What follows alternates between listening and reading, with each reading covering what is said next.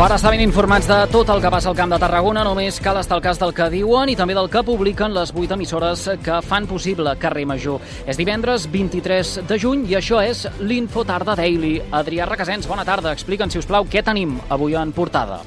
Bona tarda, Eduard. Doncs, uh, doncs uh, d'aquí a unes hores, uh, com avançàvem, doncs, tenim aquesta rebella de Sant Joan a tocar i com avançàvem, doncs, aquesta crida a la prudència per part del conseller d'Interior, Joan Ignasi Alenat, cap a tots els ciutadans de cara a aquesta nit. Alenat doncs, admet doncs, que la situació actual no és la de fa un any, quan aquestes dates doncs, ja s'havien cremat prop de 4.000 hectàrees a Catalunya, però demana encara que siguem molt prudents. En aquest sentit, també el conseller ha recordat que el dispositiu anunciat per l'Interior per aquesta rebella de Sant Joan manté doncs, la prohibició d'encendre fogueres i també de tirar petards a menys de 500 metres de les zones boscoses. A més, el departament ha recomanat també als ajuntaments que habilitin zones segures on la ciutadania pugui tirar aquests petards.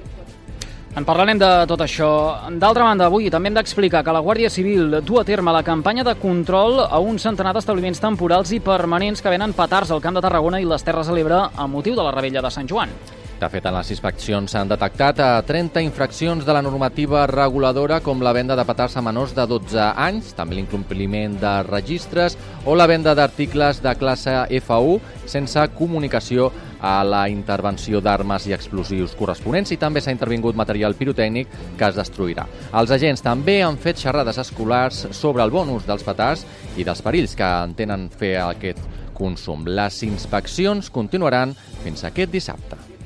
I precisament per aquesta sequera que obliga a extremar precaucions durant la rebella, el Penedès i l'Alcamp podrien arribar a perdre el 80% de la barema.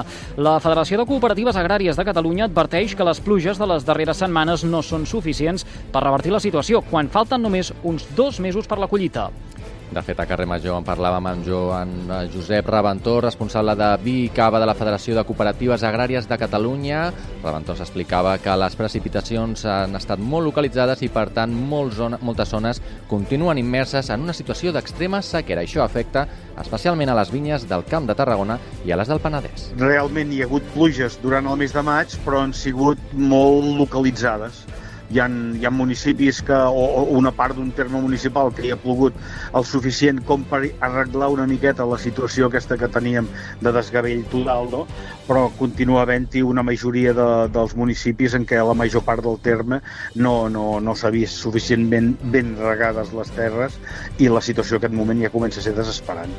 Reventós advertia que encara que plogui ja no es podrà recuperar la collita de les zones més seques. L'esperança, però, és poder salvar els arbres doncs, no? La, la, allà on està perduda està perduda i, i allà on està mitjanament bé podria encara recuperar-se una miqueta però aquest moment l'únic que estem resant ja perquè plogui és per salvar les plantes uh, la, la producció d'enguany difícilment mm, variarà no?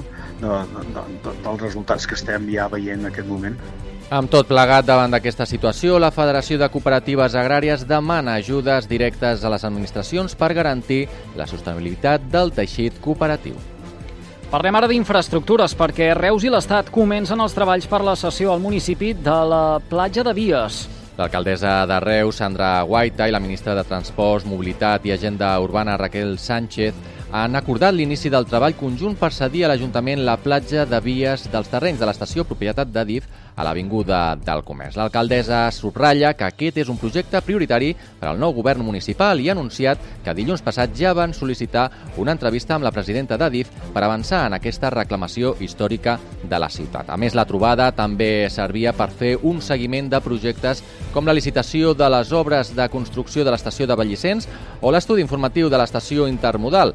També s'ha parlat sobre la cessió d'una quarantena de pisos que la Sareb té a Reus. Ajuntament i Ministeri en aquest sentit han acordat continuar converses per accedir a mecanismes de finançament estatal per rehabilitar els habitatges i posar-los així a disposició de la ciutadania.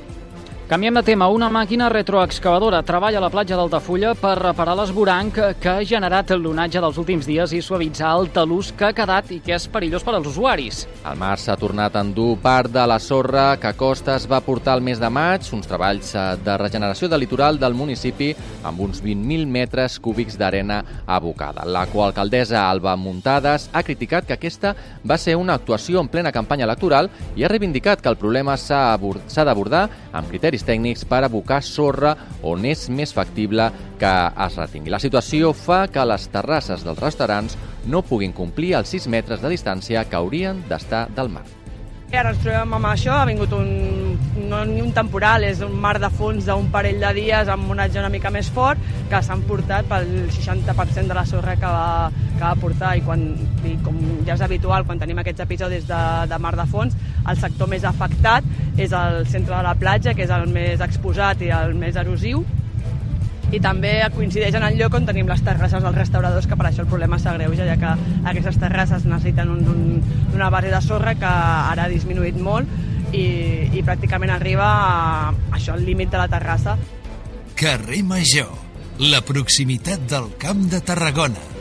En plana política, el PSC i Junts Impulsem governaran plegats al Consell Comarcal del Baix Penedès. Les formacions han tancat un acord pel qual l'alcalde de Calafell, Ramon Ferrer, serà el president i es repartiran quatre vicepresidències eh, per una per Junts, una tres per als consellers socialistes. A més, PSC compta amb 12 consellers i Junts en té 5, per la qual cosa sumen un govern en majoria absoluta. Es treballa ara per configurar l'organigrama i la distribució de carteres. Els dos grups han anunciat que deixen la porta oberta a explorar pactes amb la resta de forces que formen part del Consell Comarcal amb l'objectiu de donar encara més estabilitat al funcionament de l'ENS i tenir així més força en les grans qüestions pendents de la comarca. Dit això, centrem-nos nosaltres ara també en la plana eh, esportiva perquè aquesta ha estat una setmana amb dos comiats al Nàstic de Tarragona. Doncs així és Pedro del Campo i a Eric Montes han dit adeu al conjunt tarragoní fent créixer a 3 la xifra oficial de futbolistes que no continuaran al club. Del Campo va ser el primer d'aquesta setmana que va acomiadar-se del Nàstic a través de les xarxes socials. El club va respondre immediatament després amb un missatge d'agraïment. El jugador de Figueres marxa després de dues temporades de grana i torna a l'Olot, club des del qual va arribar. D'altra banda, Eric Montes tanca la seva sessió a Tarragona i tornarà al seu club d'origen, l'Albacete. També va voler agrair el suport de l'afició al llarg de l'any, així com el tracte als companys, entrenadors, cos tècnic i gent del club.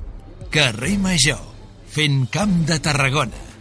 Va, que dit tot això hem de conèixer quin temps ens espera de cara a les properes hores. Connectem amb el Servei Meteorològic de la xarxa de comunicació local. Lluís Mi Pérez, hola, molt bona tarda.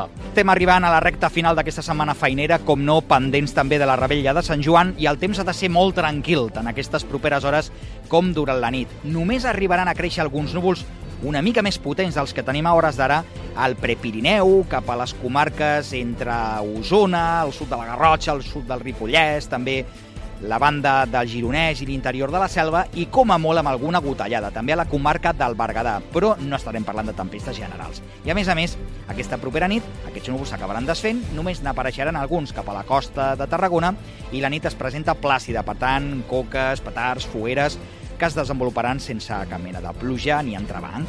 El cap de setmana, el més important és que farà molta calor. El diumenge més que dissabte. De fet, diumenge tocarem els 40 graus a les comarques de la terra ferma i amb alguns núvols matinals a la Costa Daurada. També el diumenge a la tarda i vespre algunes tempestes a l'Ebre i a les comarques de Lleida, locals, tempestes de calor. Us seguirem a la xarxa Ara sí, doncs ho haurem de deixar aquí. Adrià Requesens, gràcies per aquesta pinzellada informativa amb el més destacat de la jornada al Camp de Tarragona. Que vagi bé fins després.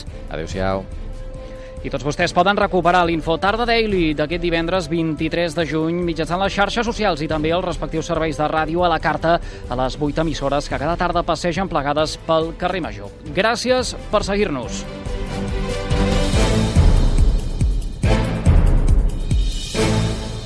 Carrer Major, a la teva ràdio de proximitat.